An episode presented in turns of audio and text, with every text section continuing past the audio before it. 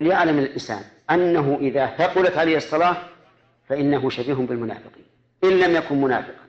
قال النبي صلى الله عليه وسلم أثقل الصلوات على المنافقين صلاة العشاء وصلاة الفجر. وهذا يدل على أن الصلاة ثقيلة على المنافقين ويدل على ثقله عليهم أي على المنافقين. قول الله تعالى وإذا قاموا إلى الصلاة قاموا كسالى. ليش يقومون كسالى؟ إلا لأنها ثقيلة عليهم.